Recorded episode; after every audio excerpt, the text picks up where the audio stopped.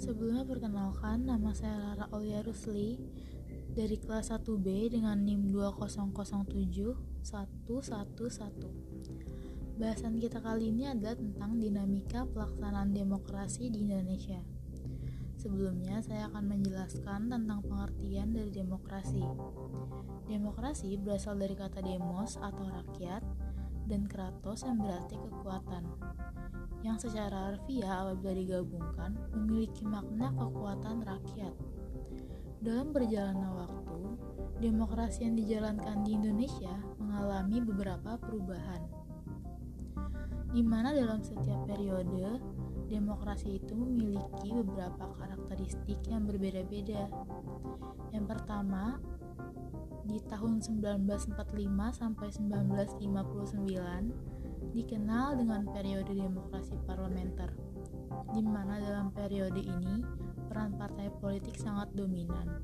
Dalam kehidupan nyata, terjadi adanya fragmentasi politik yang berdasarkan pada suku dan agama, sehingga pada suatu saat terjadi kebuntuan dalam pengambilan keputusan politik nasional.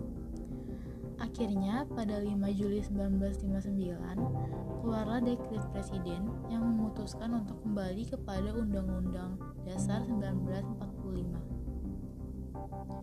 Lanjut yang kedua, dari tahun 1959 sampai 1965, ini dikenal dengan periode demokrasi terpimpin, di mana dalam periode ini politik didominasi oleh peran presiden dengan kuatnya peran presiden, maka timbul kecenderungan terjadinya penyimpangan.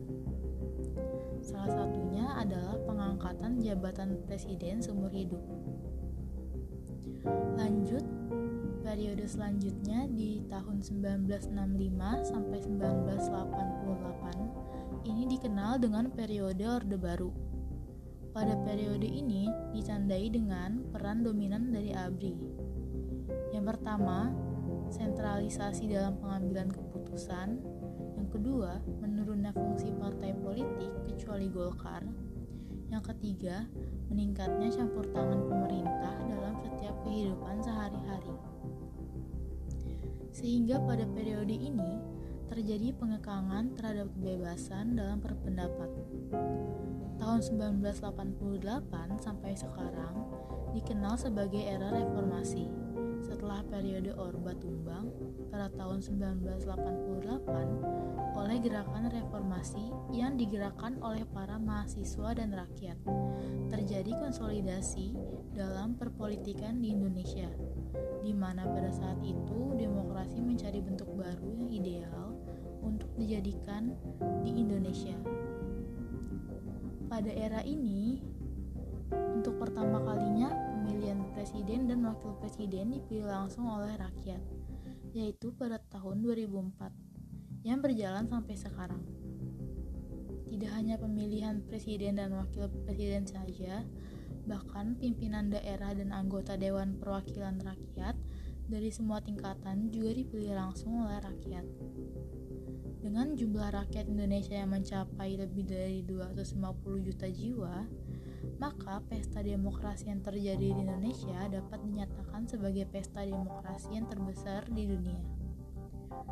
Meskipun proses demokrasi yang sudah dijalankan saat ini dengan biaya yang besar, proses penyelenggaraan yang rumit, dan dipilih langsung oleh rakyat, ternyata tidak menjamin bagi rakyat Indonesia untuk mendapatkan pimpinan atau wakil rakyat yang mempunyai kapasitas dan integritas yang diharapkan masih banyak oknum pimpinan dan wakil rakyat yang terciduk oleh aparat penegak hukum karena kasus korupsi.